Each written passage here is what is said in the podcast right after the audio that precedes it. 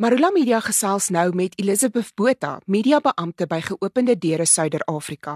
Hierdie organisasie is bekend vir hul ondersteuning aan vervolgde Christene in meer as 65 lande wêreldwyd. Baie welkom by ons Elizabeth. Baie dankie vir die geleentheid. Ek sien uit daarna. Elizabeth, geopende deure is op die oomblik besig met hulle Impact India veldtog om bewustheid te skep oor die vervolging van Christene in Indië. Kan jy dalk meer agtergrond gee oor hierdie veldtog en wat die situasie van gelowiges in hierdie land is? Dankie Estie. Ja, geopende deure is al vir jare werksaam in Indië. En ons is die afgelope 3 jaar besig met ons Impact Indië veldtog om die kollig te laat val op die intense vervolging van Christene in hierdie land. Ons wil deur hierdie veldtog bewustheid, gebedsondersteuning en ander bystand vir Christene in Indië bevorder. Nou ongelukkig is ek bevrees dat die vervolging in India van Christene al erger raak. Dit het sedert 2014 veral skerp toegeneem. Hierdie land is op die oomblik in die 10de posisie op geopende deure se wêreldwaarnemingslys, 'n jaarlikse lys met die top 50 lande waar Christene die ergste vervolg word. Dit beteken dus in wese dat India op die oomblik die 10de gevaarlikste land in die wêreld vir Christene is. Indië is bekend as die wêreld se grootste demokrasie, glo dit as jy wil, maar die vervolging van Christene skets 'n heeltemal teenoorgestelde donker prentjie wat presies die teenoorgestelde uitbeeld. Hindu ekstremiste wat deur 'n ideologie genaamd Hindutva gedryf word, probeer hulle bes om Christendom en ander minderheidsgelowe in die land heeltemal uit te roei. Ek het nie besef dat Christene in Indië so erg geteiken word nie. Op watter maniere word daar teen hulle gediskrimineer? Weet jy, is die woord Christene word van alle kante af aangeval in Indië. Die sosiale media in Indië word gebruik om vals inligting oor hulle te versprei, om haat teen hulle aan te moedig. Gelowiges word van hulle gemeenskappe en families afgesny. Hulle word toegang tot werk, geregtigheid en gesondheidsorg geweier. Wat egter die skokkendste is, is die gewelddadige en wrede aanvalle wat hulle moet verduur, selfs tot op die punt van moord.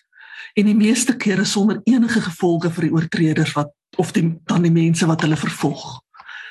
Dit beteken hierdie mense kan doen aan hulle net wat hulle wil, maar hulle kom net eenvoudig weg daar daarmee. Daar word blinde oog gedraai vir hulle. Christene reg oor die land, veral in landelike dele, leef elke dag in vrees vir hulle lewens. Honderde gelowiges in die land is die afgelope jaar alleen fisies aangeval oor hulle geloof in Jesus. Daar word openlik teen hulle gediskrimineer. En die wat teen Christ wat tot Christendom bekeer, word deur hul families en gemeenskappe verwerp. Ons vennote in hierdie land vertel dat leiers en politici openlik verklaar dat hulle alle Christene en ander minderheidsgelowe wil uitroei. Tydens die pandemie is baie gelowiges voedselhulp van die regering geweier.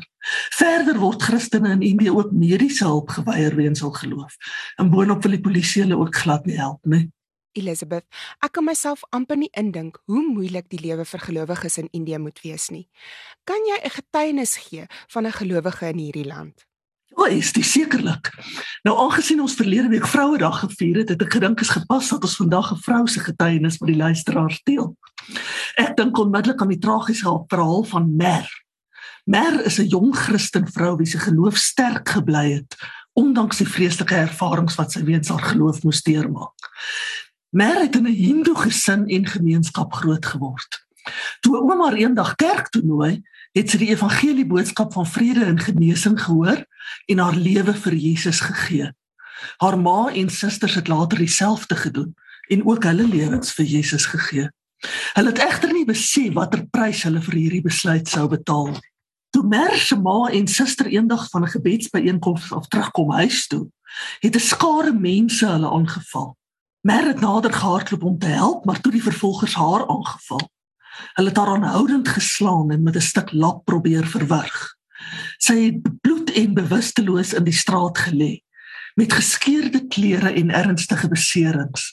Merke was om haar nek sigbaar waar die aanvallers haar probeer verwrig het. Nou stel jou net hierdie verskriklike prentjie voor. Hier lê hierdie vrou in die straat, bebloed. Niemand wil haar help nie en dit alles weens haar geloof. 'n ambulans het haar hospitaal toe geneem, maar selfs hier kon sy nie van die vervolging af wegkom nie. Die aanvallers het die dokters en verpleegsters omgekoop. En na 'n dag het hulle geweier om mer verder te behandel. Sy is oorval met vrees en angstigheid. en sy het so mismoedig gevoel dat sy self selfdood oorweeg het. Terwyl sy in die hospitaal gelê het, is haar gesin verder mishandel en gedreig. Hulle het na die owerhede gegaan, maar niemand is ooit ondervra of gearresteer nie. Hierna het hulle een na die ander hulle werk verloor. Mer was aanvanklik verpletter deur die trauma en sy kon nie verstaan waarom alles gebeur het nie. Sy het egter God se teenwoordigheid aangevoel en begin besef dat hy haar nie verlaat het nie. Sy getuig vandag dat sy versterk gevoel het deur die woord van God wanneer haar suster of haar ma vir haar gebid het. Hoe wonderlik is dit, nie? Terwyl God besig was om merg geestelik te genees, het geopende deure deur plaaslike vennote na vore gekom om haar op 'n praktiese wyse te help. Haar mediese rekeninge is betaal en sy is gehelp om na 'n hospitaal te skuif waar Christene welkom is. Nadat haar gesinslede hul werk en inkomste verloor het, het ons vennote ook redeniersware aan hulle voorsien. Maar en haar gesin word nou nog deur ons plaaslike kerkvennote ondersteun.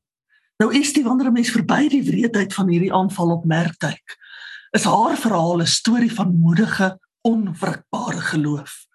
Sy is besig om van haar trauma en liggaamlike wonde te herstel en haar geloof is vandag buitengewoon sterk. Sy getuig van haar onbeskryflike vreugde in Christus en bid dat haar vervolgers Jesus ook sal leer ken.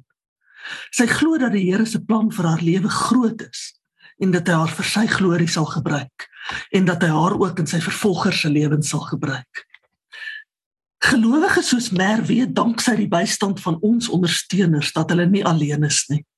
En daarom bly hulle geloof onwrikbaar.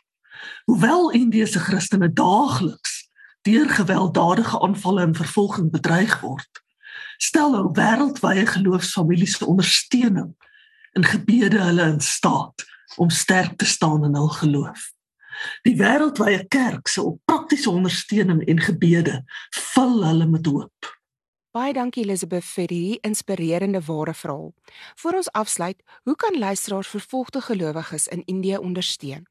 Nou, voor ek sê hoe hoe julle hoe die luisteraars gelowiges kan ondersteun in Indië, wil ek net noem dat geopende deure die kerk in Indië versterk met dinge soos deur ons plaaslike vennote natuurlik met dinge soos die verskaffing van Bybels, noodlediging en voedsel aan diegene wat regeringshulp geweier word, hulp met mediese koste, geletterdheidsopleiding en om voorberei op vervolging te wees en soveel meer.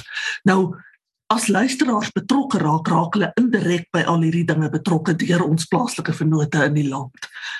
Luisteraars kan ons geloofsfamilie in Indië ondersteun deur ons broers en susters in hierdie land met 'n geskenk te seën.